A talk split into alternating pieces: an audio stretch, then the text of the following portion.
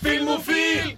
Programmet for deg som eh, filer film og ser film til alle døgnets tider. Har du aldri sett en film som gjør deg bakoversveis? Jo jo. Troll 2. Den var overraskende helt OK. Mm, for mesterverk av en serie. nå er jeg så lei av Disney-filmer. Men det var så jævlig dårlig! Gremlin løp fri. Du hører på Film og Film på Radio Revolt. Hasta la vista, Ja. baby. Det er helt riktig. Velkommen til nok en deilig episode av Filmofil. Deilig er akkurat riktig beskrivelse, for vi har det så digg her inne i studio at det er ikke mulig engang. Det er i hvert fall ikke kaldt i dag. Nei, det er faktisk ikke det. Det er bra du setter pris på de små tingene, Aran. Men vi er her i dag også. Vi skal snakke om film, vi skal snakke om eh, sterke kvinnelige hovedroller. Og det er derfor jeg er programleder i dag, for det skulle bare være på sin plass, tenker jeg da. Ja. Så skal jeg og Marte bare sette ned Aron og Sander i hele Ja. dag, egentlig. Så dere Ja. får ikke lov til å si noen ting. Sit Det er vi som skal boys! Let the ladies do the show! Jeg vet at jeg får lyst til å gå. Jeg, sånn. Det er helt greit. Jeg har veldig lyst til å bare ikke snakke og se at dere prøver å kaste den til oss. Vi skal i hvert fall uh, komme tilbake til uh, denne temadelen. An Sandra har også anmeldt en film. Mhm. Wonder Woman, så stay tuned for det. Men nå skal vi få høre 'Det kommer til meg' av Honningbarna, før vi snakker om hva vi har sett siden sist. Hi, it's Tony DeCino here, writer and director of The Furies, and you are listening to Film O Film. Film O Film. Yes, yes. Vi er her i dag også, og vi har eh, sett noen film og serier siden sist. Har vi ikke det, Aran? Nei. Nei, ok, Da går vi videre, da. Jeg har ikke sett noen ting. Du er bare en robot som ikke ser film. Film er meningsløst. Jeg har, film. eh, livet er meningsløst, men jeg har heldigvis sett en film som ga livet mitt mening. Jeg har sett Freddy versus Jason! Ga Den den ga berømte. den liv, berømte crossoveren mellom skrekkekodene Freddy Kruger og Men det er ikke den hvor de er i uh, verdensrommet. Nei, det er Jason X. Uh, Jeg, jeg er ikke helt sikker på hvordan den kronologien funker, fordi um, f- Altså, det, jeg hadde veldig lave forventninger til Freddy versus Jason, men jeg har på en måte gjort det som mitt oppdrag å se alle Freddy og Jason-filmene, fordi Ja. det er noe sjarmerende med Fredag den 13.-serien. Ja. Som er så, det er så utrolig enkel formel, men helt avhengig av hvem som regisserer, så kan du få så mye rart. Mens uh, Nightmare on Elm Street-filmene har veldig veldig mye personlighet og utrolig gøyale spesialeffekter. Så jeg var litt sånn Jeg må vel se crossover nå, da. Ja, ja. Men uh, sånn, jeg har ikke sett uh, disse crossoverne, men jeg har sett uh, Alien vs. Predator. Hvorfor er det, finnes disse filmene? og der er det liksom aliens, bad guys, predators, bad guys. Men i Alien. Predator så er plutselig predators good guys. Ja. Og der er spørsmålet hvem av Jason og, og Jason får litt sånn Godzilla-vibes, hvor han på en måte er et verktøy som kan brukes Ja, okay. for å stoppe Freddy, Freddy Kruger. Plottet er for å si det veldig fort, Freddy Kruger er blitt glemt etter den siste filmen han var i, og da har han ikke krefter, for han er jo en pedofil drømmedemon Ja, som dreper sant. barn. Uh, det, så, så han, må, han finner ut at hvis han uh, Jason Warhees finnes, hva hvis jeg bruker han, siden han på en måte hovedsak bare er en drapszombie, Ja. til å drepe folk? Kanskje folk tror at det er jeg som dreper folk, og så begynner de å tro på meg igjen. Ja, ja. Men så, så når han på en måte da uh, lurer Jason til byen der han holder til, og begynner å få han til å drepe, så er han sånn Å nei, men jeg har sluppet løs en naturkraft jeg ikke kan stoppe. Og så er det her med tenåringer som blir drept. De er sånn Vi kan bruke Jason for å stoppe Freddy! Og, så, og så blir det en sånn Scooby-Doo-greie. Og så på slutten så har Freddy og Jason straight up en MMA-slåsskamp i en brennende bygning. Kan jeg bare skyte inn og si at dette var den aller første skrekkfilmen jeg så? Du har sett Freddy vs. Jason? Er Freddy det en- versus Jason. Er det en skrekkfilm? Den har noen skumle Eh, altså, biter er, i starten. Ja, og når du er sånn syv, åtte, ni Ja. år gammel sant, ja. og Da er det jo Altså, veldig black skummel. Ja, ja. Liksom. Filmen er veldig lite chill når det kommer til altså den up, Folk får hodet sitt kappet av, blod spruter Ja, folk, folk, den forstand. ja, Ja, ja, ok. Den er Ja. gørrete og voldelig. Nei, men det er noe med Jeg har alltid likt på en måte, Freddy Kruger-karakteren fordi uh, han er på en måte uh, Du kan gjøre så mye kreativt med han, fordi han Mhm. går på en måte mellom drømmer og virkelighet. Mm. Og da får du den derre det blir som regel litt creepy fordi det skjer noe rart med virkeligheten når han Ja, kommer sånn, inn i bildet. Og det, det er veldig lett å lage en jumpscare. Du kan på en måte alltid gjøre noe enkelt, men creepy med karakteren. Ja. Ja, det, det er veldig billig, men lett. Uh, uh, den har et new metal soundtrack som er så jævlig 2000-talls. altså Det å se de to karakterene slåss uh, på en måte i en brennende bygning mens det spilles metall i bakgrunnen, det, altså, det er verdt inngangsprisen. Ja, ja. Du koser deg med andre ord. Jeg lo en god del og hadde et par øyeblikk hvor jeg var sånn fy faen, denne, denne serien måtte fått ganske mye law. som ikke gir mening lenger, men det er veldig gøy. Det er bra du har det fint med den filmen. Men eh, Marte, hva har du sett siden sist? Eh, jeg har sett eh, så mye som to filmer som vi skal snakke om i dag, så jeg skal ikke nevne dem så altfor mye. Jeg har sett videre på Parks and Rec, som jeg bare forelsker meg mer og mer i. Ikke sant, den Helt er så nydelig. bra. Takk for anbefalingen, Jenny. Ja, kjenner du til uh, Little Sebastian? Ja, ja, ja, ja. Han- Hvis du ikke har fått- Jo, jo, jeg, jeg, Ah, det var sesongavslutningen. Jeg er på sesong fire nå, så jeg, det går fort. Ja. Eh, men jeg har eh, sett en Amazon Prime-serie som heter The Wilds. Som er en sånn uh, Lord of the Flies-lignende Ja, eh, konsept hvor det er en gruppe jenter som er liksom sånn rebelske, som egentlig skal bli sendt på sånn eh, få orden på livet ditt-tur. The Ranch. Ja.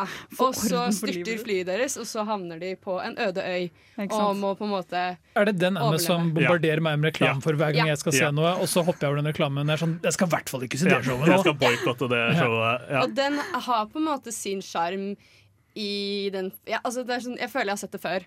er mitt største problem med den serien. Sånn, det er på en måte ikke så veldig mye nytt. Det er mye på den øya her som er sånn Oi, å, kanskje det faktisk Kanskje vi ikke er alene her? Og så bla, bla, bla. Oh, altså, er Lost, veldig lost. eh, Um, Smoke uh, Monster and uh, Polar ja. Bears. Uh, men det er sinnssykt bra karakterbygging, så det redder den på en måte. Ja, så Du det blir ikke sånn at du bare sitter der og ser på, liksom. Nei, det blir det er, faktisk at jeg du så følger ferdig serien. Det er vel en er åtte episoder ja. eller noe sånt, så det, det er på en måte det er det som driver det. Jeg jobber med å formulere en slags eh, idé om et, et TV-show som er på en måte strømmetidens svar på det showet som gikk på TV før showet du egentlig skulle se. Ja, Er dette litt sånn? Er dette litt sånn? jo, det funker veldig bra som et sånt show. Og med det skal vi gå til en låt som heter 'Easy To Say' av Guilty Garden, før vi snakker mer. Og mitt navn er Martin The Lepperød. Du hører på Radio Revolt. Og nå er det Sander sin tur til å opplyse oss alle her i studio om hvilke filmer du har sett siden sist.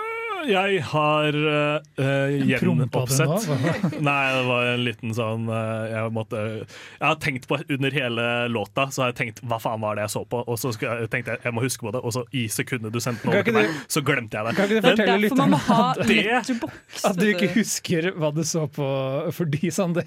Fordi jeg drakk fire flasker vin med en uh, Alene? Nei, med Nei, en annen. Ja, så, Sander er både alkoholiker og han husker ikke hva han så denne uka. men jeg kom på det.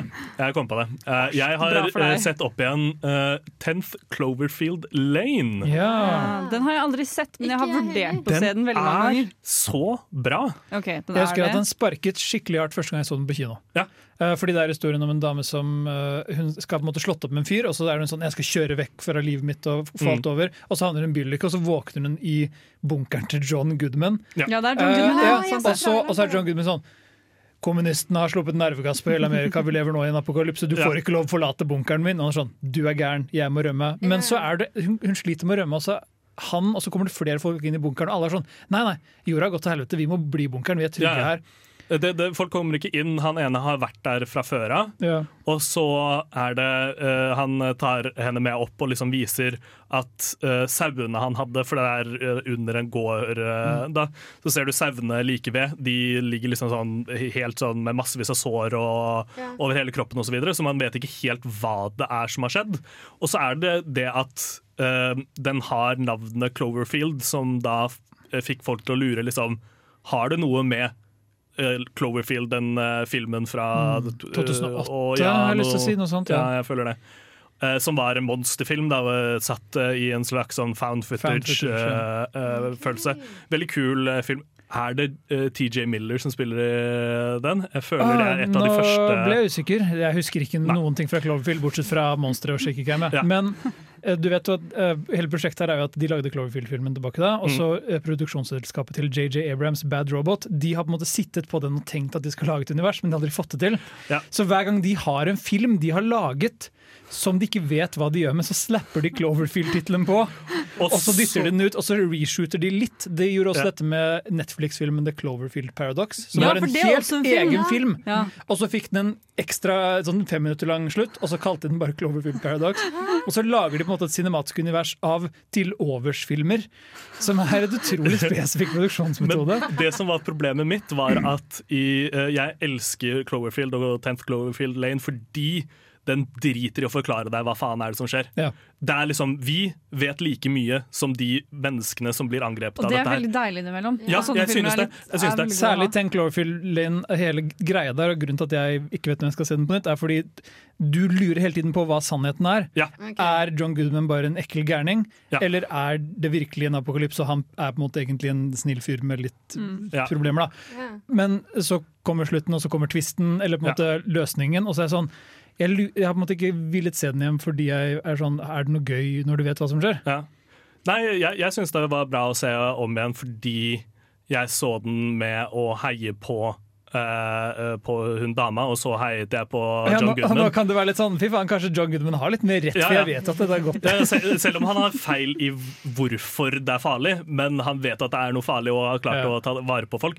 Men eh, eh, problemet mitt med, med Cloverfield Paradox er at den prøver å forklare. Mm. Den prøver å forklare hva de andre, hvorfor det skjedde i de andre filmene, og så videre og så videre. Og så videre. videre. Ja.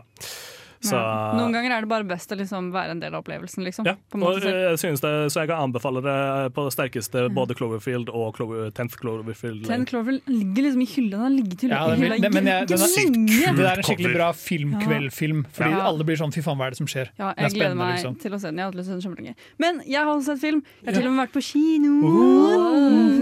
Jeg på kino. Jeg er så glad for at vi ikke skal snakke om Psycho Cody. men magikeren på Waverly Place. da. Nei, jeg har vært på kino, jeg så Sound of Metal. Og jeg så den med en kompis av meg og hun jeg bor med. Ja. Og det var skikkelig deilig å se den med to andre som ikke er sånn skikkelig skikkelig inn i film heller. Fordi alle var, særlig de to, var sånn Herregud, så, så, så bra den var! Yeah. Den var så bra, og alle sammen var sånn Vi ble døve under den filmen, Ja. rett og slett. Jo, jo. Og det var hele opplevelsen. Det var, det var kjempebra! Og jeg har ikke sluttet å tenke på det. Og så var det sånn, da jeg la meg etter at jeg hadde sett den filmen, så lå jeg liksom i sengen og var sånn Jeg hører så godt knitrelyden av dyna mi. Ja. Er dette Oi, tenk Ja, liksom så, Tenk om jeg blir- den. etterpå. Ja, jeg blir sånn, tenk at jeg er så heldig at jeg får høre den knitrelyden. Ja, ja. Ah, Det er jeg, helt sjukt. Jeg skulle egentlig dra og se den i morgen. Men eh, så så jeg at eh, eh, Trondheim kino uh, sender remastered 4K-versjoner av Ringenes herre, så da ble det, Det er på Ringens søndag, da. brorskap. Nei, det er fredag, lørdag og søndag. Én, to og tre. Har de lagt ut eneren også nå? De hadde bare tårn og treeren for noen dager siden. Det er Nei, Ringens brorskap er på fredag, to tårn på lørdag og Ja, for det gir mye mer mening. Ja. Ja, Det hadde ikke da jeg sjekka. Kanskje det er solgt ut. Men jeg vil anbefale å se Sound of Metal på kino, altså, Ja. for det er en sinnssyk lydopplevelse. Ja, det, Og den er, selv om eh, dere forklarte det, liksom, selv om, og du sa i anmeldelsen din, Marte, hvor bra lyddesignet var, så var det helt sjuk opplevelse. det må på en måte oppleves selv òg. Det, det, det. åh, det var amazing. Nå skal vi eh, høre en låt. Vi skal høre 'Cancelled' av Slow Tie av Skipta. Filmofil presenterer nyheter fra filmens og fjernsynets vidstrakte verden. Gå nyhetstanker! Marte, vær så god. Thank you. yes, that intro. Ok, Første nyhet er at Donald Glover og Phoebe Waller-Bridge Oh. skal Hvem er spille Phoebe? Det er hun som spiller Fleabag og har skapt den serien. Oh, ja, ja. Ja. ja. Eh, skal spille Mr. And Mrs. Mrs. Smith i en TV-adaptasjon av filmen. Hvorfor blir det TV av alt nå? En serie av Mr. and Mrs. Smith. Men, men jeg, jeg liker, jeg, liker uh, hva jeg, jeg, jeg føler at de har, kommer til å ha god kjemi. Det tror jeg også. Altså, de, men, uh, de er begge to veldig morsomme folk. Ja. Men de er på en måte ikke det er mitt, mitt første valg for actionfolk, hvis du skjønner hva jeg mener. Er ikke akkurat de? Det blir en sånn The Killers uh, med Get smart. Ja, Get Smart, sånn actionserie, tror sikkert. jeg. Det blir kanskje mer det. Men jeg Ja. håper hvis Phoebe, Phoebe Waller-Bridge har noe med skriving å gjøre, Mm. Så kan det bli helt Men fantastisk. og, og uh, Ja. Glover er jo også Dan Glover med Jeg vet ikke om dere så hans serie Atlanta. Jo, jeg har sett Nei, par. Som er en av de feteste tingene jeg har sett på TV for i ti år. Ja. Det.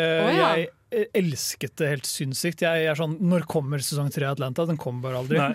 Men nei, begge de to har jo på en måte vist seg å være litt sånn Eller han er jo et multitalent, og hun er på Ja, ja. alle måter kjempedyktig. Ja.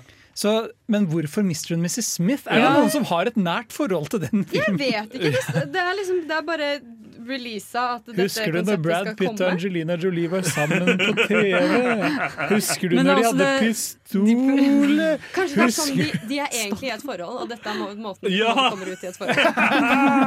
Det er veldig gøy. Mr. and Mrs. Smith-IP-en er kun forbeholdt uh, skuespillere som vil annonsere at de Ja. dater. Ja, ja, ja, det Fleabag støtter jeg veldig. og Childish Gambino. Å, Jeg, jeg skipper de offisielt. Ja.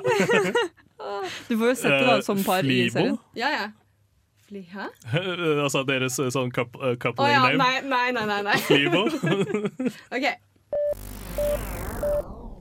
Ok, Neste nyhet er at eh, The Matrix 4 har en spennende skuespiller på lur. Kommer Det er endelig sånn- Matrix-filmen. Endelig kommer det spanske 4 lyttere så er- snakker vi om filmen El Matrix 4. Men det har ingenting med faktisk matriser å gjøre. Det er ganske dårlig stemning. Nei, det er veldig kjedelig. Ja. Men uansett, det er veldig clickbait, den artikkelen jeg fant dette fra. For det står at eh, The Matrix 4 Star Patrick Nei, Neil Patrick Harris. Faen, jeg sa det feil. Det ødela den. Men la oss, la, oss se for oss, la oss se for oss denne simuleringen hvor Neil Patrick Harris har hovedrollen i en Matrix-film. Ja, han ha Nei, for det er det det står som overskriften, selvfølgelig, men han er among the cast. Ja, da er han sikkert sånn liten rolle. Sikkert sånn der, ja, funny side guy.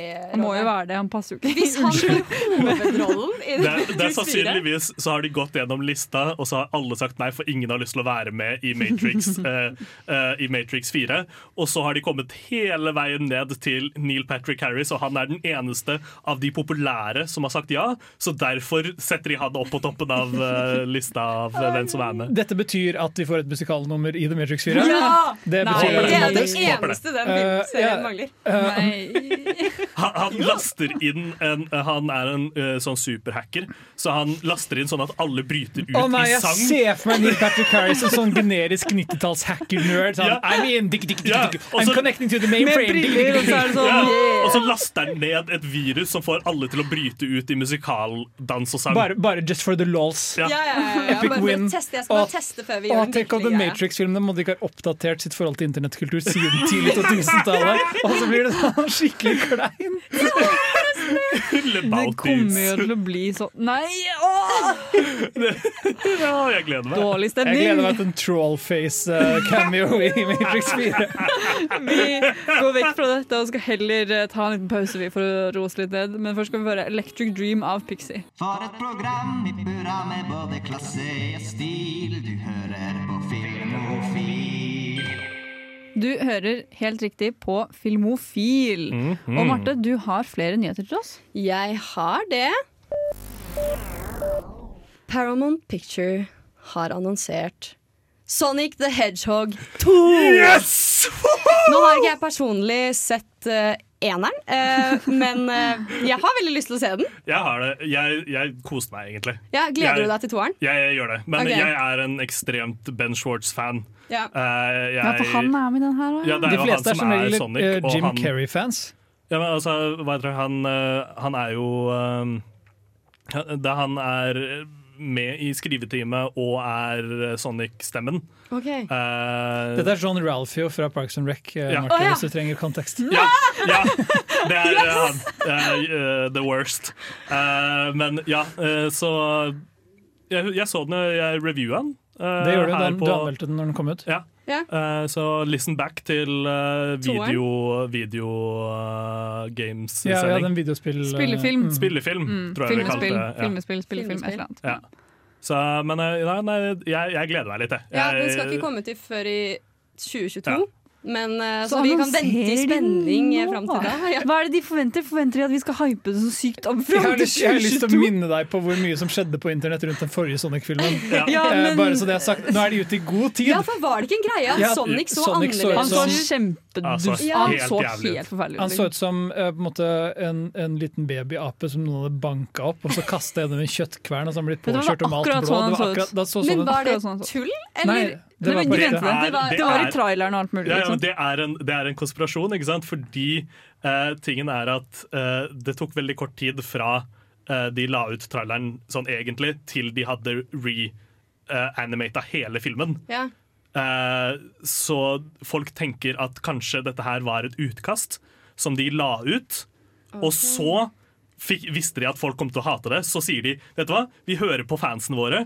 Give us some internet clout. Det er jo Vi genialt. endrer det. Det er kjempegenialt hvis det er det de gjør det. Men det er eller- kjempe Det er veldig eh, sleazy. Jeg tror eh, egentlig ikke de gjorde det. Jeg tror egentlig de bare lagde en skikkelig stygg Ja, Sonic, jeg- fordi ja. ingen av de helt vet Jeg tror hva de ikke de er så smarte i Men det hadde vært jævlig gøy Sorry, hvis ass, de men- prøver det samme move en gang til. Så Sonic, de beholder den Sonicen de har nå, men Tails ser helt Men det som, er, det som er fantastisk med uh, den første filmen, er alle uh, uh, det, inside jokesene i den. Mm. Uh, altså, eh, Husker dere den der, eh, tegnede Sonicen som ser helt jævlig ut? Som gikk rundt på internett, sånn uh, håndtegning som ser ut som en sånn toåring har tegna. yeah. Den har en, har en appearance i filmen. Liksom. Det, er, det er en film som er laget med folk som har litt, uh, litt entusiasme for Into the. Spider-Verse bare dro en sånn plugg, og nå bare ramler Ja. minikultur inn på filmene våre. det er ingenting kan gjøre for å stoppe What det. are those? Disneys nye storsatsing Cruella har kommet med trailer. Har dere sett den? Nei. Har dere Jeg, ikke jeg sett har sett den. Ja, du har sett. Disneys The Joker. Disneys The Joker. Det var også den viben jeg fikk. Finnes det ikke allerede en Cruella-film? Jo, men den er jo fra tidlig 2000-filmen. Ja, men Det er ikke eh, Cruella sin side, det er jo bare live action Ja. De gjorde en live action remake av den tegnefilmen 100 Ja, jeg, det- hvor det Glenn Close uh, spilte Ja, ja. Cruella. Men har de ikke en egen også Cruella-film? Eller tenker jeg Nei, jeg tenker på Maleficent. Jeg, Det er det. De har Ja. to Maleficent-filmer med Angelina Det har Jolie. de to, ja. Og ingen, Mm. ingen husker Det er sånn, hvis Når du sier det til folk sånn Ja, de fins, ja. Så de var, det var en braksuksess. Fikk terningkast fem av Filmpolitiet, begge to. Ikke fire, altså? Nei, hvem skulle tro det? Men jeg synes på en måte den Men- Jeg vet ikke helt hva jeg syns om filmen. For det er, har veldig, den har veldig sånn som du sier, den derre joker, og nå skal vi ha sånn bad guy origin story. Hvem spiller Cruella, da? Emma Stone. What?! Og, Ja. men, Men- men men The. Joker uh, er på en måte en fyr som uh, har blitt brutt ned av samfunnet. Og så knekket. Det er på en måte hans greie. Ja. Cruellas greie er at hun vil drepe 101 valper. Men ikke ifølge traileren! For her er det bare sånn Jeg har hatt et jævlig liv, og nå er det Alt min sånn. tur. Det var, Til å drepe. er, det ikke, er, er det ikke en replikk i, i traileren som er sånn uh, The saying goes I'm a woman, hear me roar. I am, I am woman, hear me roar, Ja, ja, er i traileren. No. Så de kjører en sånn feministvinkling på, Please no. på Krølla. Ja, uff a meg. Det blir spennende. Det blir veldig spennende. Men blir det egentlig det? det blir spennende å se hva de gjør ut Jeg av det. føler ikke de Det høres er liksom ikke ut som de har noe publikum de satser til. De bare liksom tenker, slipper den, og så kan Ja. Dette er Disney vi snakker om. De kan, de, altså Disney kan bæsje og tjene penger på det. Liksom. De Er det Altså, Disney pluss, tror du? Ja. Jeg tror nok det er Disney Plus. Ja, ok, Så det er ikke en Det er jo kinolansering? sikkert Liksom. bare Nei. Disney som må re-uppe copyrightsene sine.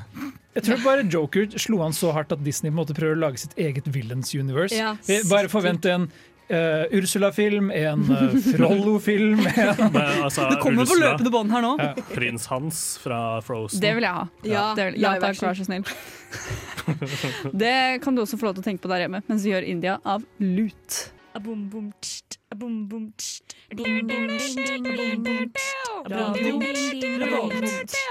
Du hører på Radio Revolt, og du hører også på Filmofil. Det beste filmprogrammet på Radio Revolt, Ja, vil jeg tørre på også, da. Det er helt Vet du hva, enig jeg backer den, ass. Ja, Det beste filmprogrammet som tas opp i Trondheim, Mic Drop! Oi, oi, oi! Wow.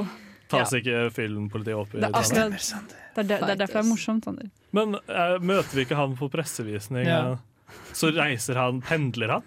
Nei, han jobber her i Trondheim. Det er ikke dette vi skal snakke om i dag. Birger Vestmo og resten kan- av filmpolitiet jobber damer. her. Vi kan snakke om filmpolitiet så mye vi vil Ja. ellers, tenker jeg. Men vi skal, det er helt riktig som Marte sier, vi skal snakke om damer. Yes.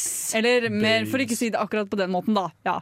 Vi skal heller snakke om sterke kvinnelige protagonister. Klarer, du- klarer du å snakke om kjønn med en vanlig stemme som Nei, et vanlig menneske? Jeg er, jeg er ikke et vanlig menneske. Jeg, Når, du det var, når, når folk spurte sånn Er du gutt eller jente? Når du det Jeg er jente! Hvorfor ble dette temaet nå? Vi skal Hvor snakke om film! Hvor ofte ble du spurt det spørsmålet? Ja, det, Enig ble spurt ofte. Jeg hadde ganske langt hår som ung, faktisk, så jeg kunne nok lett ha passet eh, begge sider. Mm, mm.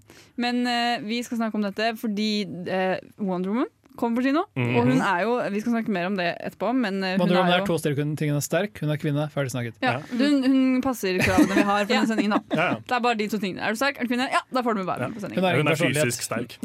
Men det som er gøy, da, er at eh, sterke kvinnelige karakterer Jeg vet ikke med dere, men um, vi har på en måte vokst opp med hermetegn at det aldri er så mange sterke Mm. kvinnelige karakterer. Så det var sånn, uh, Da jeg fikk spørsmål en gang på intervjuet til Filmofil, faktisk nevn liksom noen karakterer du ville hatt med på fest, så var det ingen kvinner som kom til tankene mine med det første. Nei. Nei. Og det er liksom, sånne, sånne spørsmål man får, da. Det er alltid liksom de mannlige hovedrollene man tenker på, sånn, fordi kvinnelige hovedroller hovedroller har ikke liksom vært sånn kjempe i vinden, da, kan man Nei. si. Og så har det aldri vært den derre liksom. liksom empowerment.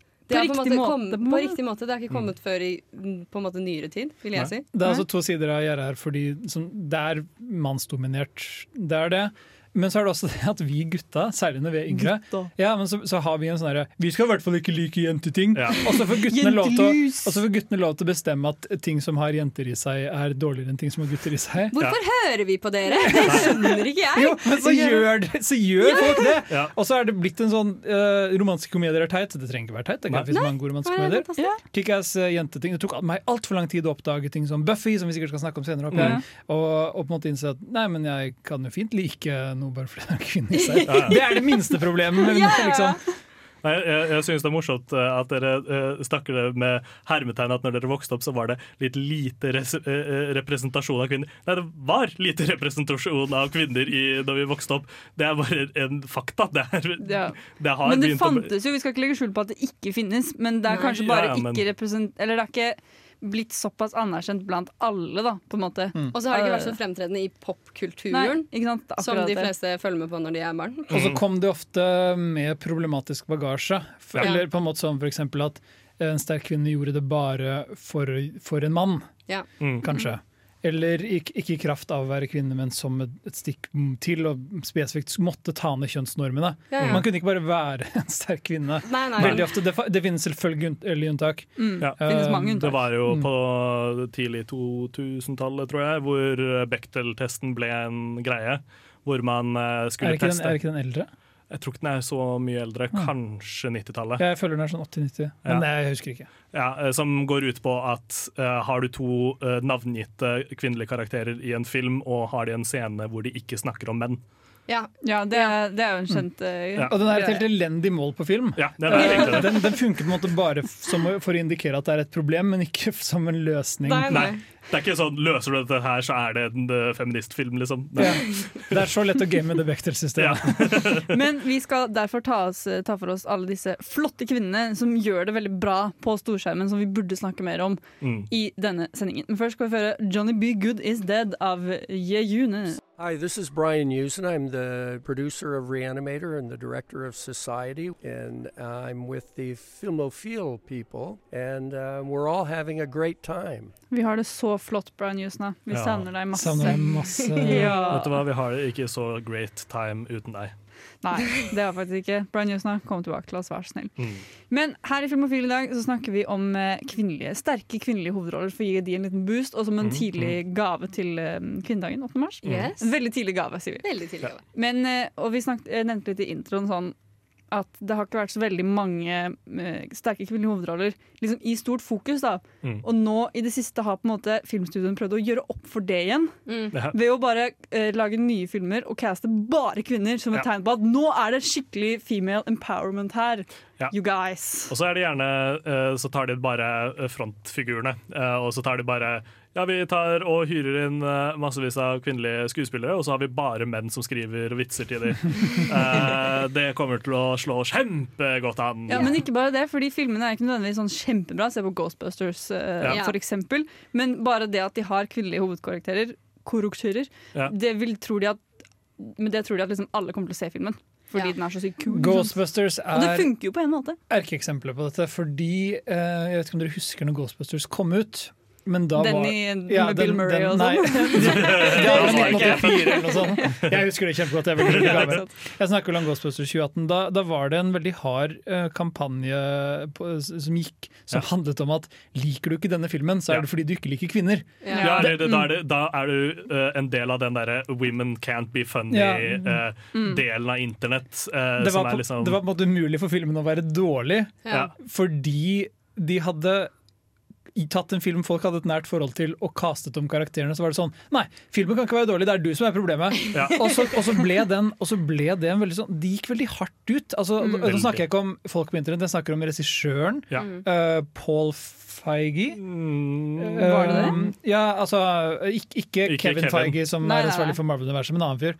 Som regisserte sånn to episoder av The Office eller noe. Uh, og Bridesmaids tror jeg han gjorde før. ja. Oi. Men for Bridesmaids Feige, ja. er jo faktisk Feige. ja. Bridesmaids er jo faktisk uh, en hva heter det, eh, female ensemble eh, komediefilm gjort riktig. Ja. Ja, den er helt fantastisk. Den er, jeg syns også den er ganske morsom. Og du, men Ja. det var det man trodde. Kanskje her fikk man litt sånn bridesmaids-energi. da Ja. Og så ble den bare et rot, Ja. og i store deler veldig full av stereotyper. Og på en måte, akkurat det som Sander sier, det føles som den fortsatt er laget av en mann. Ja. Eh, og, men den var også sånn Nå er den jo det, da, Pål.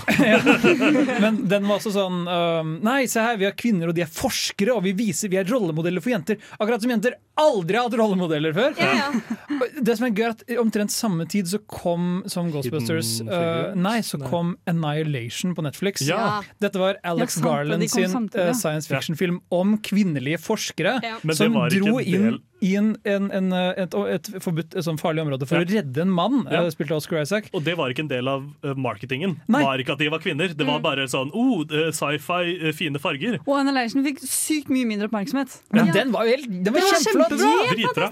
Og så, og så kommer Gospers sånn Nei, vi er den eneste filmen med, kvi- med bare kvinnelige um, skuespillere. Og Chris. Hemsworth er med. Ja, og det syns jeg var liksom sånn jeg, det, er på en måte, det var morsomt. Man må sette pris på er- karakteren hans. Liksom. Jeg føler det skinner gjennom at det er en mann som har skrevet det. Fordi det er sånn, Vi må ha noen å objektifisere her. Ja. Ja, ja, Vi, altså, må, vi må- vi vi kan må- ikke bruke kvinner! Hvem skal vi bruke?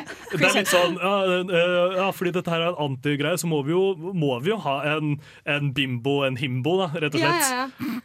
Jeg synes det, det ble liksom sånn I hele filmen så var det sånn Ja, det var noe morsomt ved det, men bare, det var litt smakløst for min Filmen del. er over to Ja. timer lang. Ja, det funka ikke. Jeg det tror ikke jeg så hele engang. Det å gjøre sånne uh, kvinn- gender swap the remakes har ofte vært Mm. en ting, og da føles det som hver gang så er poenget at uh, Likte du denne filmen? Nå kan du se den med damer. Ja. Og så blir man litt sånn Men kanskje bare lag nye roller og Ja. lag nye filmer. Og jeg, jeg, jeg, jeg er person som foretrekker Annihilation-ruten. Mm. Ja.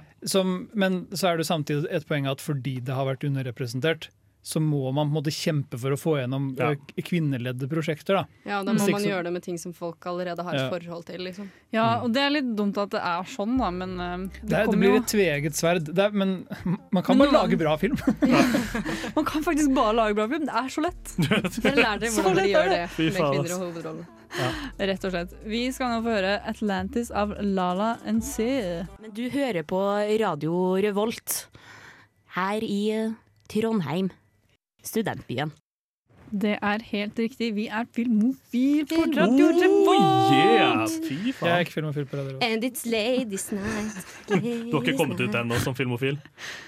Dette ble veldig mye på en gang. Men det jeg først startet starte med å si, var at eh, før eh, vi hørte denne introen her, så hørte vi også Plead the 45 fi- f- f- 45. Smino Saba. Vil bare si det. Nå har vi sagt det. Nå er det gjort.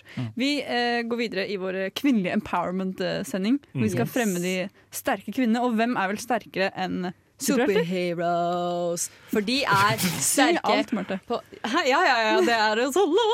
Jo, men det har jo kommet et flust. Kan man si det? Flust? Litt sent, føler jeg. Jo, men det i, i det siste, da, ja, av utrolig mye kvinnelige superhelter i fokus. I, enten i film eller i TV-serie. De Ja, de, de, har fått, de har fått sin blomstring i TV-serier, Ja. men jeg føler film så har de altså Black Widow, som folk har, blitt, har spurt om en film Film fra, film fra Avengers 1. Ja, ja. Iron Man 2 var vel da hun dukket opp for Ja. første gang. Ja. Ja, Det er lenge siden. ass. Er Scarlett Transen har vært Black Widow lenge. Ja, uten å ha en egen film. Altså, Ant-Man har to filmer! Og der er det Disney, liv. Disney bare sitter og sånn Fuck deg, Scarjo! Ja, Men de fikk jo girl power-scenen i Avengers Endgame, da, så meg. ja. Er ikke kvinnene fornøyd ennå? Disney, er der- Nei, Disney er bare det er sånn Hva i helvete ikke. vil dere? Men det som er litt uh, Ikke gøy, det var feil ord. Men fordi man ser jo at etter uh, Man prøver jo å liksom lage disse en- ensemble-castene med bare kvinner. Men, og de har på en måte skjønt litt at det funker ikke helt, og det er bra. At de Ja. ikke bare går den veien. Så da prøvde de superhelter heller, og det funker på en måte litt. Fordi det allerede finnes kvinnelige superhelter i tegneserier og diverse steder. Captain Marvel Så det å bare fikk ta sin egen med, film. ja, det å bare ta det med i film var på en måte en naturlig overgang, da. På en Mm. måte. Her syns jeg DC har uh, gjort en sterkere jobb enn Marvel, hvis vi Ja. skal ta Ja. bare dele den linja. Ja. Uh, de ga Wonder, Si det Wo- med en gang. de ga Wonder Woman en stor stor tentpole-film tilbake i Det var en de første Bra, Ja. Altså, de, gjorde, de gjorde Superman Man vs. Steel, og så introduserte Superman og Batman. Så kjørte de rett på Wonder Woman. Ja. Mm. Men allerede før det så har måte DC jevnlig prøvd å skru ut um, de, kvin altså få ut de kvinnelige superheltene sine. Det er en Supergirl-film fra 1990.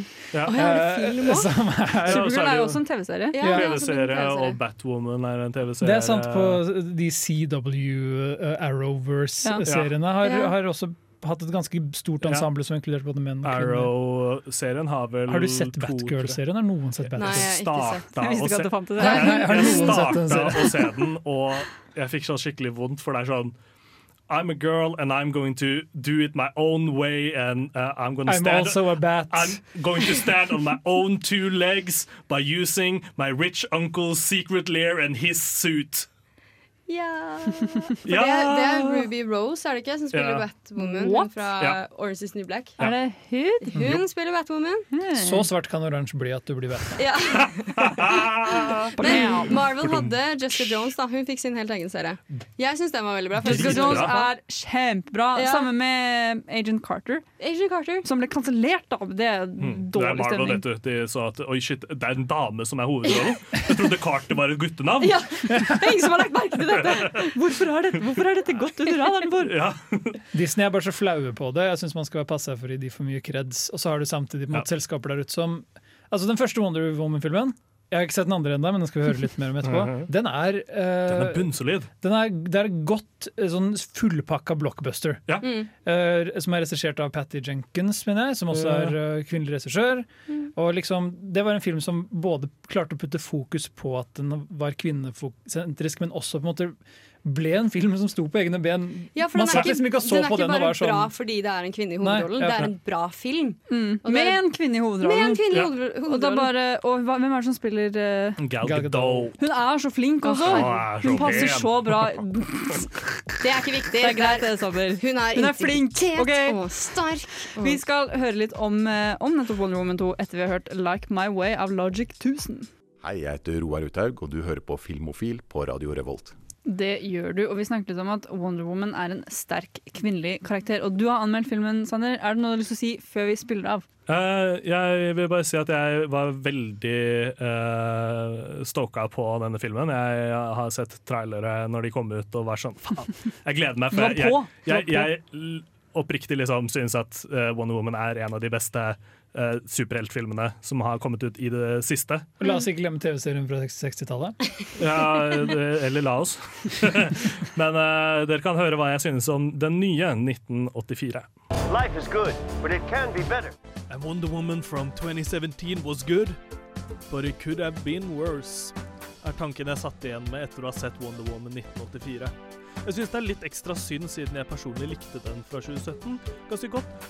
Og har sett frem til oppfølgeren. My life hasn't been what you probably think it has. We all have our struggles. En kort recap av den forrige filmen. Diana Prince vokser opp på en avskjermet øy befolket av amazonere. Det er en profesi om at Diana skal slåss med krigsguden Ares. Dette er moren til Diana redd for og prøver å skjerme henne fra et voldelig liv. Diana klarer å dra til omverdenen, og året er 1918. Og verden er en krig som er på vei til å ta slutt. Resten av filmen er Diana Prince en fish out of water, en baby i storbyen, en Crocodile Dundee i New York, mens hun jobber med å stoppe et våpen som hadde vunnet krigen for tyskerne. Så hva gjør denne badass Wonder Woman etter å ha reddet verden fra å utslette seg selv i en egen krig? Hun redder selfiestick-brukere fra å falle av en bro og jobbe på et museum. Why shouldn't it be? All you need is to want it. Ja, husker du at Diana vokste opp med å trene i skjul fra moren sin? Ja, det husker ikke filmskaperne.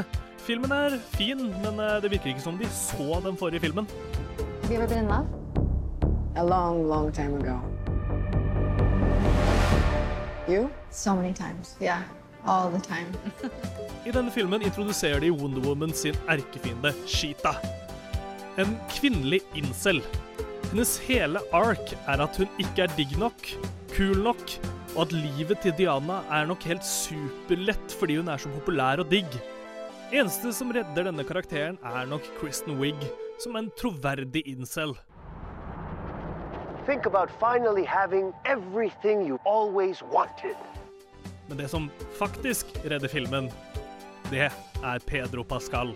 i sin rolle som Maxwell Lord. Han er en skilt far som har startet et oljeselskap i Coop sin ånd. Der alle kan kjøpe seg inn, og alle tjener når de treffer olje.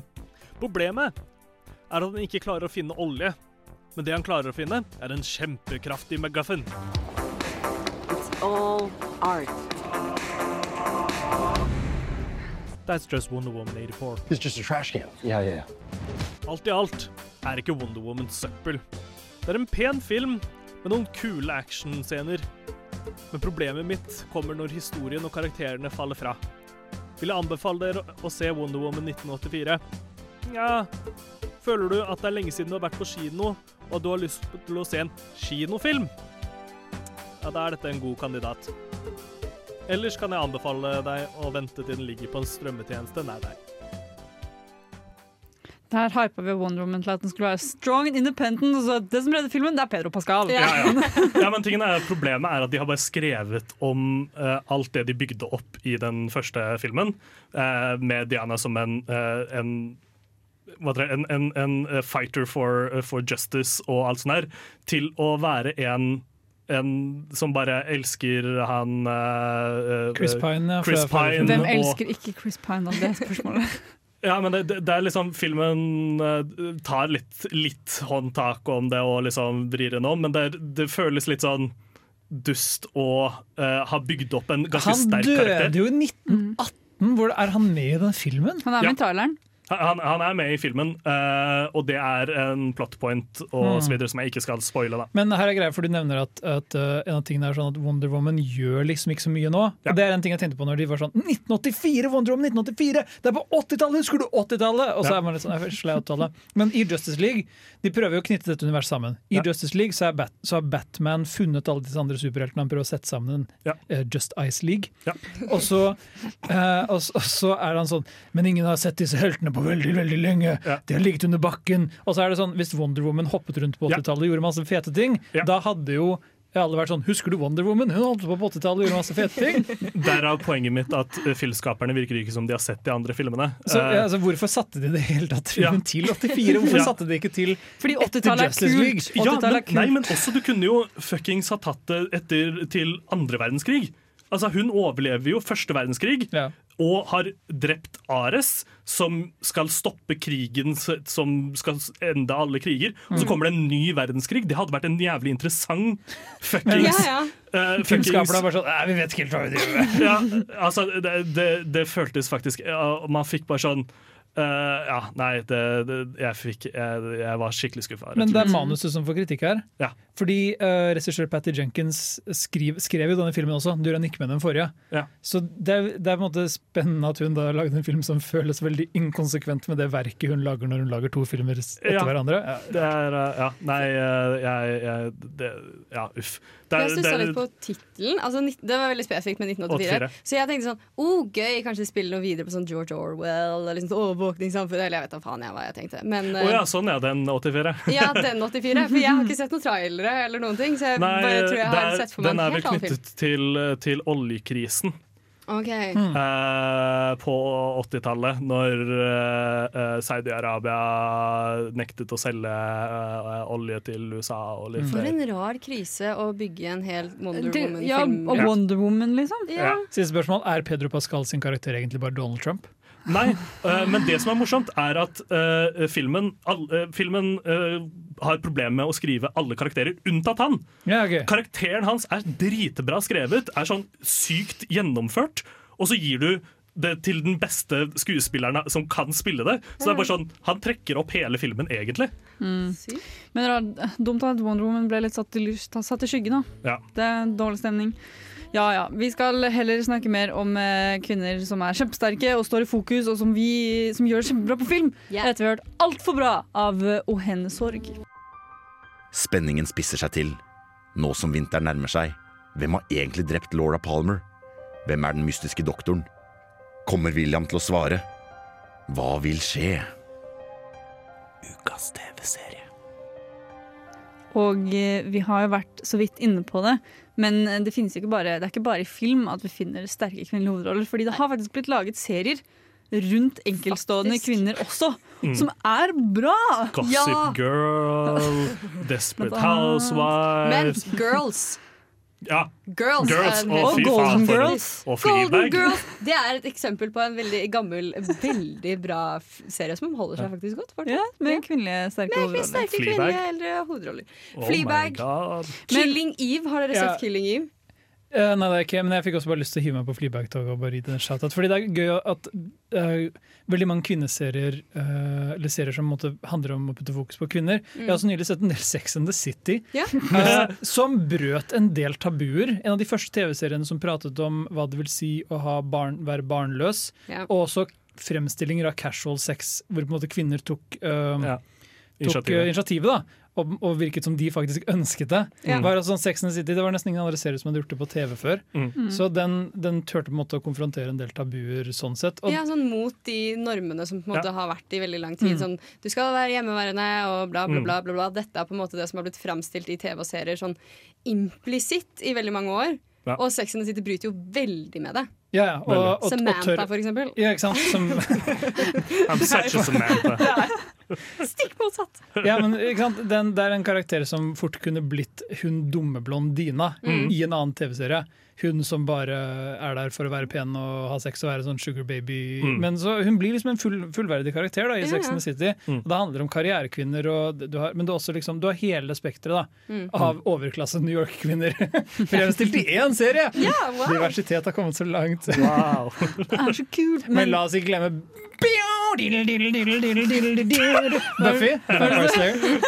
Eh, Det er bra du hadde med introen. Hawaii 5-0? Vi trengte det. Jeg angrer på at jeg gjorde det. Det gjør ikke jeg. Å, det vil skal høre bli en mer. Ja, Ja, jeg vil høre. Vi hører mer. Jeg kan hele Buffy-låta. Den der var Det gitar. jeg. Uh, som var en av de første TV-seriene jeg så hvor jeg på en måte glemte at det var i hermetegn en jente-TV-serie. Så jeg bare lyst til å gi en shout-out for å være sånn Første? Eh, Jeg husker jeg så uh, religiously på Powerpuff-jentene. Ja, men det, de har, de, det var bare kanskje at de hadde jentene i tittelen, men Totally Spice og sånn. Jeg visste liksom Ja. var, jeg tenkte liksom at det som jenteserier, men med Buffy så ble jeg bare forinvestert. Og på et eller annet tidspunkt så Det var en bare, faktisk bra serie, Jeg elsker elsker Buffy Hei, Totally Spice er dritbra. Har du sett det opp igjen? Det holder seg ikke så bra, Sander.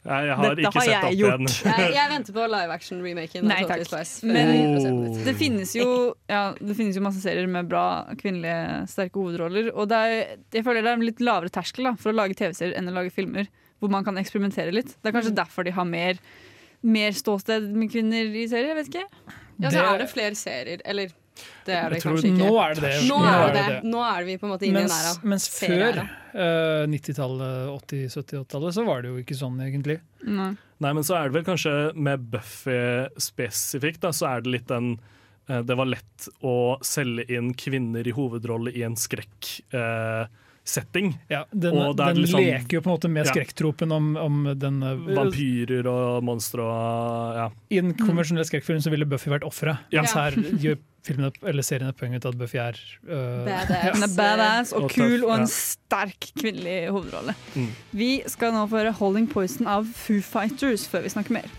Jeg er en flyktning fra Bosnia-Hercegovina. Jeg kom til Norge for lenge siden. Jeg snakket ikke norsk, men læreren min sa du lærer nok å snakke norsk med tiden. Så kan du dra på Radio Revolt og i et intervju i 2019. Vi er tilbake, og Gøran, du har en én, to, topp liste til oss i dag. Det har jeg. Og vi Eh, Topp diggeste damene i Ja, det stemmer, Sander. Gutta De sine. Hold kjeft, gutta prater. Eh, Jeg har laget en, en liste over, um, over tre Det er en litt sånn spotlight på tre kvinnelige hovedroller fra min favorittsjanger, drittfilmen. Ah. Exploitation og, og, og sjangerfilmen. Ja, ikke sant. Eh, som alle sammen på en måte eh, ikke er tradisjonelle kvinnelige hovedroller. Da. Nei. Ja. Og uh, så disse skuespillerne er folk som jeg har sett og bare sånn Fy faen, for en dame, hun sparker hardt. Uh, Sparker rumpe. på tredjeplass er Pam Greer, og kanskje best kjent som Jackie Brown i filmen Yeah! Jackie Brown. Hun Hun er så bra i den var jo på en måte en, Hun har endt opp i den filmen fordi Tarant, hun var en sånn Tarantino-darling fordi han hadde sett henne når han vokste opp. Fordi på Mm. 70-tallet så var hun i en bølge av såkalt black exploitation-filmer, hvor hun spilte Mm, ah, yeah. altså no nonsense chicks som tok uh, Tok, altså tilbake, slo tilbake. Eh, Foxy Brown er en film hun spilte i, som har altså tittelen til en film som virkelig høres ut som den er ute etter å uh, Ja. utnytte kvinner. Ja. Men det handler om en kvinne som har eh, en doplangerkjæreste. Eh, han blir drept, og hun tar hevn på Mm. altså, en sånn skikkelig sånn antipatriarkalsk måte, hvor man også snakker om det at på en måte, den hvite mannen holder eh, de sorte nede gjennom Ja. doplangen. Da. Det er en ganske er politisk eh, overraskende film. Mhm. På andreplass Daria Nicoldi, samarbeidspartner til regissør Dario Argento. Ja, det var noe der, ja. Ja, da. Hun, eh, hun dukket opp i en hel haug med filmer fra italienske skrekkfilmer på 70-tallet. Suspiria altså Ja, sånn. nesten alt Dario Argento gjorde på den tiden. Tenebra.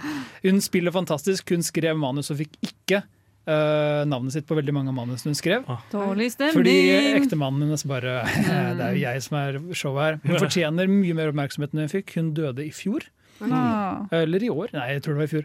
Eh, Ja. Relativt nylig, i hvert fall. Mm, og det var rett og slett et, et lite tap. Hun, hun Mm. er kjempetalentfull eh, når du ser Mm. de gamle filmene. Hun er bare sånn person som liksom gløder på skjermen, som fanger deg. Hun hadde helt ville øyne. Det, er, Mm. er eh, flott i alle filmene jeg har sett henne i, i hvert Mm. fall. Jeg anbefaler virkelig å sjekke det ut. Mm. På førsteplass er det Meiko Kaiji, som er eh, hun var japansk exploitation-skuespiller på 70-tallet. Hun dukket opp i filmer som Lady Snowblood og Female Prisoner Scorpion 1, 2, 3, 4. Oi, wow. En, to, tre Wow. og fire. Dette er også sånne exploitation-filmer som virkelig har hatt påvirkning på uh, artister, eller folk som Tarantino. Mm. Uh, hvor hun også altså, Hun spiller samuraier, og hun spiller uh, altså, Female Prisoner Scorpion. Altså, det er Mm. kvinner, I et kvinnefengsel så bryter man ut og Ja. tar hevn på mennene som puttet dem der. Ja, ikke sant, ikke sant. Eh, og disse Så har hun tatovert over hele kroppen. Og Nei, jo, i en film har hun det, ja. Mm, Nei, nei, å, nei! Da, takk for meg. Jeg anbefaler å sjekke ut disse filmene. Disse obskure Jaran-filmene. Men ja, med sterke kvinnelige hovedroller. Og. De sparker så hardt. Vi skal nå få høre 'Falling Apart' av Young Franco. Velkommen tilbake til lufta, kjære lytter. Dette er nemlig Radio Revolt. Og du hører på Filmofil! Programmet som tar for seg et dypdykk inn i filmens magiske bildeverden. Rett og slett. Hva betyr noen av disse ordene? Det betyr alt, Jaran. Google det. De som vet, de vet. Ja. Ja. Takk, Marte. Vi snakker i dag om sterke kvinnelige Just girly things. Passer bra med vår sterke kvinnelige um, hovedrollesending i dag. Yes. Mhm. Hvor vi tar for oss de bare, bare kvinner, egentlig, fordi vi er best. Ja, vi er jo det overlegne kjønn. Vi er jo fort det. Men vi har snakket litt om bare generelt karakterer på eh, film. Men vi må også nevne, eh, eller det er viktig å nevne da, at det finnes også filmer hvor, som tar for seg historiske kvinner. Som, ja. Eller kvinner som har levd, som fortjener mer oppmerksomhet. Og jeg syns det er skikkelig fint at de da bruker film som en forum for liksom lyse ut dette. Fordi ja, man kan lære om det i historietimen, men helt ærlig, hvem husker alt fra de lærte Ja, historie ja, på videregående? Jeg har, lyst til å, nei, jeg har lyst til å nevne at uh, filmofil alumni Frida Mm. snakket om dette i en chat tror jeg en gang. Hvor hun var, uh, det var da Ford v Ferrari kom ut. Hvor hun var sånn Det er så mange altså Marie Ja. Curie har aldri fått en biopic, Ja. Ja, ja. men Ford versus Ferrari kommer ut! Historien om da to gutter lagde hver sin bil og kjørte om kapp. Og var maskuline! Ja. Ja, s- det, Og Joan of Arc ikke har fått et kostymedrama. det har vært en del John of Arc-filmer, det er det for så vidt. Men, men, sånn i nyere tid med liksom nei, det er nok en stund siden. Ja. Nå kan de jo lage John of Arc-film med Timothy Chalamet, da, så det kommer jo til å skje. Men det, det er noe med det Åh, at det hadde vært veldig gøy om de kasta han som han som ender opp med å brenne henne. At han ikke, at han ikke, er, at han ikke er romantic interest-karakteren. Uh, ja, ja, interest-karakteren. sånn, bare sånn skikkelig fuck you. Du tenker sånn Å, uh, Timothy Shalamay i et kostymedrama. Ja, sorry, det er ikke det vi skal snakke om. Nei, vi, vi holder oss unna menn, vi, Sander. tenker jeg. I hvert fall du, Jenny. Du har vel ikke blitt tatt på en mann til å ti... Nei. Tiara, dra hjem! Dra hjem! Det, Når det, Jenny ble eller ikke ble tatt på sist, trenger vi ikke snakke om. Faktisk, Jeg setter pris på at du angret med en gang. da Du sa setningen, og så innså du selv hvor feil det var. Det setter jeg pris på, Jara. Det skal Ja, du få vite. min egen humor, den nå kan du legges død. Ja, du kan egentlig skru ned mikrofonen på deg selv, og så Ja, kan du resten vi skal snakke om de historiske kvinner Mm. som har gjort det bra. Fordi Jeg vil trekke fram eh, Hidden Figures, blant annet, som er en skikkelig bra film om Dritkul. kvinnelige eh, forskere, eller ikke forskere, programmerere, rett og Ja. Matematikere og fysikere er det Matematikere fysikere, Ja. ja. På, I NASA. som er også sorte kvinner. Mm. Som liksom ja, Man hører jo ikke om sånne Nei. ting, med mindre det blir laget film om det, og det blir liksom Ja. hypet opp i det, er- det er jo en, Kulturen, da. det er jo en, f- på en måte en kultur i, eh, i eh, den delen av nerdekulturen, altså den fysikk eh, fysikk osv., som Mhm. er en slags annen machokultur, hvor det er veldig deres måte å vise at de er menn på, er ved å være smart, og da hvis kvinner også kan kan være smarte. Ja. Så derfor, innenfor NASA, så har de jo altså, De hadde jo en god del kvinner som satt og regna fordi uh, de trengte uh, dette når datamaskinene ikke var på, eh, på eh, topp. Da. Så de, de, de kalkulerte eh, lange, store kalkuleringer osv. Ja. videre Og det blir ikke nevnt i historien. Nei, det er bare Du mennene ta- som gjorde liksom Ja, vi sto for bak akkurat Vi den trykka på knappen. Ja. Det er altså noe med den at når du lager en film om uh, noe som har skjedd, så skaper du på en måte en myte. Du krystalliserer øyeblikket og gjør det tilgjengelig for alle, sånn som du Mm. snakket om tidligere. Jenny, at, at du på en måte du, du skaper en slags sånn For filmen er en romantisering av det som skjedde. Du ser Hidden Figures som et Mm. eksempel. Mm. Uh, eller en annen kvinnelig dreven biopic om en sterk kvinne, Monster, biopicen om Eileen Wunross. Amerikas Ja, største kvinnelige seriemorder. oh, ja. uh, du skaper på en måte et slags sånn, et, et bilde som alle kan ta inn over seg. Da. Mm. Jeg hadde aldri visst om disse kvinnene fra Hidden Figures. Nei, eksempel, uten den filmen. Jeg hadde heller aldri visst en dritt om Ford versus Ferrari-gutta. Hvis det ikke var for Ford versus Ferrari. Nei. Jeg hadde antagelig brydd meg betydelig mindre om Johnny Cash sitt liv hvis jeg ikke hadde sett Walk to Life. Ja, ikke sant. Så, så det at man uh, har vært så dårlig på å plukke fram viktige historiske kvinner, da, Mm. det, det, har faktisk en direkte, altså det har faktisk en konsekvens. Ja, Det viser jo til at eh, ved at vi ikke trekker fram kvinnelige historiske figurer også, gjør jo at vi ikke får så mange kvinnelige sterke hovedroller i vanlig film også. Ja. I liksom fantasyfilmer og sånn, fordi vi ikke har Eller Vi- vi man har ikke den knaggen å henge ja. på. Vi kunne fint ha listet tusenvis av viktige, viktige historiske Skal det ikke komme Mm. en film om uh, uh, Shelley? Uh, Eh, Frankenstein. Mary Shelley? Ja. Ja, det tror jeg høres riktig ut. ja, jeg føler Jeg tror den er kommet ut allerede. Har den det? Ja, ja. Eller, eller tenker jeg på Elisabeth Moss i Shirley, som er en annen historisk biopic. Ja. Nei, men, eh, for det er en sånn sykt kul, eh, interessant historie hvor det var veldig vanskelig å få ut en bok som kvinne, og så er det en sett på som en klassiker. da. All Mm. time classic innenfor eh, bøker og ja. Ja, typ Little Woman også. Og så har du også basis, On the Basis of Sex, som er Ruth Bader Ja, Ginsburg. Ruth Bader som Ginsburg er, mm. ja. anbefales så sterkt. Den slutter alle. med et faktisk shot av Ruth Bader Ginsburg. Ja. Og det Som, treffer jeg, deg sånn, ja, jeg, så det nå, åh. jeg så den nå nylig, og etter at hun døde. Jeg var sånn Oi da! Ja. Jeg gråt. Ja.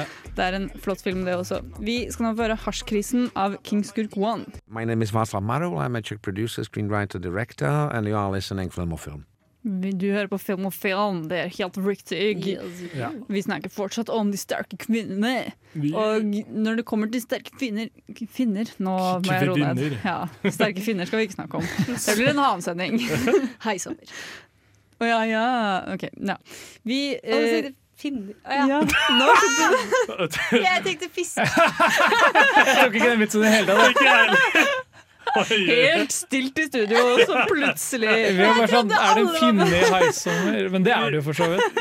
Ja, er det en sauna og ja. Men vi var litt inne på sånn, eh, at hvorfor filmer om historiske kvinner er viktig. da. Mm. Men det at uh, vi har kvinnelige regissører er jo også nokså like så viktig, egentlig. For de er også Nokså med like så viktig. Nok så like så viktig. Mm. For de er også med på den bølgen om å Ja. fremme kvinner i film, da. Mm. Det, det, er også, Ja, det det, er også en av de hardeste kampene, føler jeg. Uh, fordi det er færre som ser det. Altså, sånn, det er færre som bryr seg om hvem som har regissert en film, Ja. enn hvem som spiller i det. Mm. Så det er en hardere kamp, eh, og i hvert fall som skribenter, som manusforfattere. Mm. Antall kvinner som har fått nei og nei og nei og nei på manus, uh, manuset sitt, og så har de sendt inn en mann i stedet som skal levere det, og så fått ja. Ja, så er- skrive, eller bare du tar noen andres Ghostwriter, manus og ja. skriver det om, så det ender opp som ghostwriter. Ja. Er- Får du ikke det navnet ditt på filmen. Nei, og det, det er liksom det, det, det er så synd, for det er så mye det, det er så mye gammel eh, eh, grums i, i studio eh, hva heter det, studionivå, da, Mm. som, da, som har vetorett, ikke sant. Så de, ja, det er, det, det er en hard kamp, men det er jo noen som har klart å komme seg gjennom, da. Ja, absolutt. Uh, Greta Gerwig er jo et veldig godt eksempel på det. Regissøren av Little Women. Og Mhm. Lady Bird, Og Lady eh, Bird. som hun kom med før den. Som begge to er veldig gode filmer. Og Faen, Lady Bird er- hun er absolutt en av de kvinnelige regissørene, eller bare en av de regissørene generelt man bør holde øye med. Hun lager sånne jeg blir sånn glad av filmene hennes. Ja. Jeg får sånn nostalgi, jeg får nostalgi for steder jeg ikke har vært. Og sånn. Men de er så ekte. Det føles, det føles litt mer som en sånn hjemmefilm uten at det er hjemmefilm. Det føles ut som en, uh, å sitte og se på home videos med familien sin. Ja, kanskje litt. Hvis du skjønner hva jeg mener. Jeg, Altså, jeg sånn- skjønner hvor du vil. Jeg Ja. Bare at det ikke er dørgende kjedelig og ikke kleint. For sånn. se, så, se så rar du var da du var liten. Sånn, Nei, det er babytissen min? Ja. Nei, men uh, altså faen, Lady Bird, det er en eh, film jeg føler Hvis du ikke har sett, så må du se den. Mm. Det er, eh, jeg, så, jeg husker jeg så den eh, med mamma, og hun eh, Ja, det, det er en av de film, få filmene jeg har vist mamma som hun likte. Men eh, ja. Det er også Booksmart da, som kom sånn i forrige Olivia fjor, Wilde sånn. sin Mm. regidebut. Ja. Mm, Den er også veldig sånn Setter unge kvinner i fokus, da. Men nå lages disse av større studioer. Det var en periode hvor hvis du ville være kvinnelig regissør, altså det, var, det var nesten umulig. Ja, se på de den- Varskowski Nei, det var ikke de. Prank. Tenk på Nei, jeg vet ikke hva jeg tenker på. Bare glem det. Det jeg ville fortelle om, da, var, var en av Hollywoods første kvinnelige triple threats. Skuespillerregissør og manusforfatter. Aida Lupino, som holdt på på 50-, 40-50-tallet. Mm -hmm. uh, hun var vel jeg husker ikke, men hun, var, hun begynte som skuespiller, og så på en måte brøt hun med Hollywood-systemet og begynte som uavhengig filmskaper. Ja, Skrev, regisserte og produserte sine egne filmer. Litt sånn Eh, eh, Tarantino, da, som spiller i ja, bare at hun, hun lagde noen ganske eh, interessante filmer. Hun jobbet på en måte litt i sjangerterritoriet, men hun, tok, hun har for eksempel hun som heter 'Bigamisten', som, han, som er fremstilt som en film noir, men hele konflikten er at en mann har to familier. Mm. Ja. Uh, og så spiller hun da en av de to konene. Ja, og hun finner eh, mysteriet av at man er, har en annen Nei, den, den er samme struktur som Double Identity, som var en kjempestor, populær um, noir eh, et par år tidligere, av Ja. Billy, Wild, uh, Billy Wilder. Så, så er de, han, ok, det er et kjempekompleks. De skal adoptere et barn, og da kommer det en fyr fra adopsjonsagencyet Uh, ja. Og er sånn Jeg vil bare gjøre en grundig undersøkelse av alle papirene og livet deres. Og så er det et eller annet som skurrer med han mannen. Mm. Så det er han som oppdager at den mannen er Ah. gift med en annen kvinne enn den han vil adoptere barn med. Og så faller alt sammen fra hverandre. Eh, og, men dette var liksom på ja, jeg vil si, si 50-tallet. Ja, det er Mm. Tøft at det, det, det fikk kommet seg gjennom, men det måtte jo da via ja, Independent. da. Ja, ikke sant? Og det var, det, det var som regel det du måtte gjøre hvis du ville ha kontroll over din egen film som kvinne. Mm. Fordi det, var, det er vanskelig å bli tatt på alvor uh, i en klubb hvor du på en måte er en outsider. Ja. Mm. Og det ble man veldig fort i Hollywood. Så Mm. bare Man blir jo det- egentlig det nå Way, way back. En kjempespennende historie. Aida Lupino. Det er verdt å sjekke Mm. ut uh, henne både som person og filmskaper. Ja. Mm. Men ja, det, de trenger liksom regissører som, eller kvinnelige regissører også, som bare tar et tak og er sånn Nei, vi vil gjøre noe annet og nytt, og ikke fokusere på liksom kjønnsnormer og bla, bla, bla. bla, bla. Og det er veldig fint. Ja, Å lage en film hvor du ikke legger merke til hvilket kjønn hovedrollen har. Akkurat sånn, som vi har vært inne på tidligere i dag også. Ja, vi skal snakke om en uh, senere. Som Skal det, rett og slett. Men først skal vi få høre 'Leave 'em Wanting Less of Dangerface'. Hva har fire bein om dagen og seks bein om natta? Jeg vet ikke, men uh, hør på Radio Revolt. Radio Revolt. Og hør på Filmofil, for her snakker vi bare om de viktige tingene, nemlig film. Ja. Som betyr alt i den verden. Og vi skal nå eh, snakke om ukas hjemmelekse, som er egentlig et veldig godt eksempel på alt vi har snakket om i dag. Ja. Kvinnelig sterk hovedrolle, historisk kvinne og kvinnelig regissør. Alt i én pakke. Mhm. Og den ble ikke nominert til Oscar også. Mm. Mm. Mm. Det er verdt å nevne. Men, Som er eh, veldig overraskende. Ja. Men det er jo fra en regissør som vant Oscar for filmen hun lagde før. Mm. Ja. Hvilken Vi snakker om uh, Catherine Bigelow, uh, om, som vant Oscar for Hurt Locker. Ja, Den vant Oscar for beste film. Mm. Men så lagde hun uh, Zero Dark Thirty rett etterpå, eller ikke Mm. rett etterpå, men som sin neste film. Ja. Uh, som er Altså, The Hurt Locker er på mange måter en litt sånn machofilm. Den handler om uh, menn som blir skadet av krig. Mm. Og at du på en måte ikke forlater en krigssone bare fordi du har forlatt en krigssone. Mens The Hurt Locker handler om uh, altså de, som, altså de som fanget Osama, eller drepte Osama Ja. bin Laden. Ja. Og, og uh, den har Jessica, Jeg kan ikke prate. Jeg kan ikke Jessica prate. Chastain. I hovedrollen? Nå var det Zero Dark Thirty, for du sa Ja, Hurt Locker. Uh, Hurt ja, Locker er den som Ja. handler om uh, at, du ikke tar med, at du tar med deg Battlefielden hjem, Ja. og Zero Dark Thirty handler om de som fanget Osama Mm. Mm. Det, en annen filmskaper kunne sikkert veldig lett ha laget en, måte, en, en film hvor de, karakteren til Jessica Chastain ikke var hovedrollen. Da. Mm. Men her får hun på en måte virkelig være Basert på en ekte Ja, ja. person. Men Uh, basert på flere. Ja. Det, er jo ikke bare, det var jo ikke bare én dame, det var jo en hel Nei. gruppe damer som hun på en måte representerer i den filmen. Ja. Det merka jeg irriterte meg litt, for det var sånn Det Kunne bare ta én, ja. Kunne ikke ta alle. Nei, Det som er morsomt med den dame. filmen, er jo at den filmen som har en sterk kvinnelig hovedrolle, eh, regissert av en kvinne, godt skrevet, består ikke Bechdel-testen. Uh, de to, Hæ? Nei, og de dette er to- et erkeeksempel på hvorfor Ja. Bechdel-testen Ja, okay. er De to navngitte kvinnelige eh, hovedrollene har uh, middag en gang, og så stiller hun et spørsmål om ja, hvordan går det med kjærlighetslivet. Og da har du feila Ja, det Bechdel-testen. sånn, Anyway, eh, Mark, has your sex life? Ja. det er Men litt eh, jeg vil si også så lenge den har en kvinnelig veldig sterk hovedrolle Ja, ja. i senter, Ja, men så det er ikke det Bechdel-testen. Det er Nei, bare nei, det som jeg vet jo det. Bechdel-testen men er et litt rotete system. ja, La oss uh, Nei, Gjør det, vær så snill. Ja. Please. Jeg har ikke fått med meg nok, Her, Men Zero Dark Dirty uansett uh, syns jeg gjør det på en så fantastisk måte at du på en måte du glemmer Kjønn er ikke en greie her. Hun er på en måte Hun er på samme nivå som gutta. Hun er den som går inn og på en måte interrogater disse terroristene. Og Filmen handler ikke om at hun er en kvinne. Nei, den den gjør ikke handler det. om at Osama bin Laden eh, var en vanskelig mann å finne. Og og, hun fant han! den er, det som jeg syns er kult, er en amerikansk produsert film som er eh, kritisk til eh, torturering av eh, muslimer i den hele perioden. Ja. Eh, Dette er ikke en slags sånn helteglorifisering. Den er en veldig, den er veldig stripped down, den har veldig god driv, den er en sånn god sånn global Uh, Den er på en thriller, men det er mest alt så handler det bare om alle prosedyrene man må gjennom. Mm. Og, og hvor mye jobb det er å være spion i, i et informasjonssamfunn. Og det er en veldig lang film. Ja, er den to og en halv? Den er to og en halv Ja, time. den er det, mm. Jeg syns den kanskje var litt dratt ut, uten at det trenger å være en brannfakkel, føler jeg.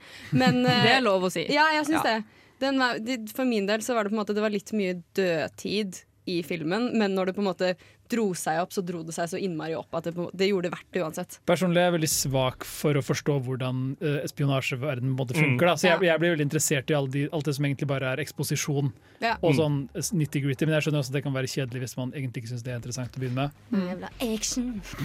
Det er en bra skrevet film med en bra dame Ja. i senter. Catherine bare, Byggelov sin karriere er bare full av juveler. Bare, bare solid, egentlig. Vi skal nå få høre un Unisil av Sofie. Hei, mitt navn er Atle Antonsen. Du lytter til Filmofil på radio Revolt, og det gjør du helt til programmet er ferdig. Og det har du faktisk gjort. vi. For det. Jeg glemte å si det på starten, faktisk, men jeg antar at dere har skjønt det nå. I studio i dag så har vi vært meg, Jenny, vi har også hatt med oss Yara på teknikk. Unnskyld for den vitsen. Altså. Ja, vet du hva? Nå får du ja. er under at du har fått lov til å være med i resten av sendingen. i hele tatt Sander som ikke har sagt noe som helst Ja. på kanten i hjørnet her. Ja, men vi har også hatt med oss vårt super female empowerment icon. Å, tusen takk. Nei, Mina var ikke Girl power! Her, la meg få den, da! Marte! Vi har eh, vært eh, filmofil i dag. Vi har snakket om kvinnelige sterke kvinnelige damer i film, rett og slett. Eh, neste uke er det litt sånn Vi får se hva som skjer. Det kan hende det blir sending, det kan hende det ikke blir sending, fordi nesten alle skal bort, tydeligvis. Men meg får dere mest sannsynlig i hjørnet deres neste torsdag. Og det må dere kose dere med. Det må dere kose masse med. Takk for i dag. På vei ut skal vi føre Rhythm Chant av Madlib.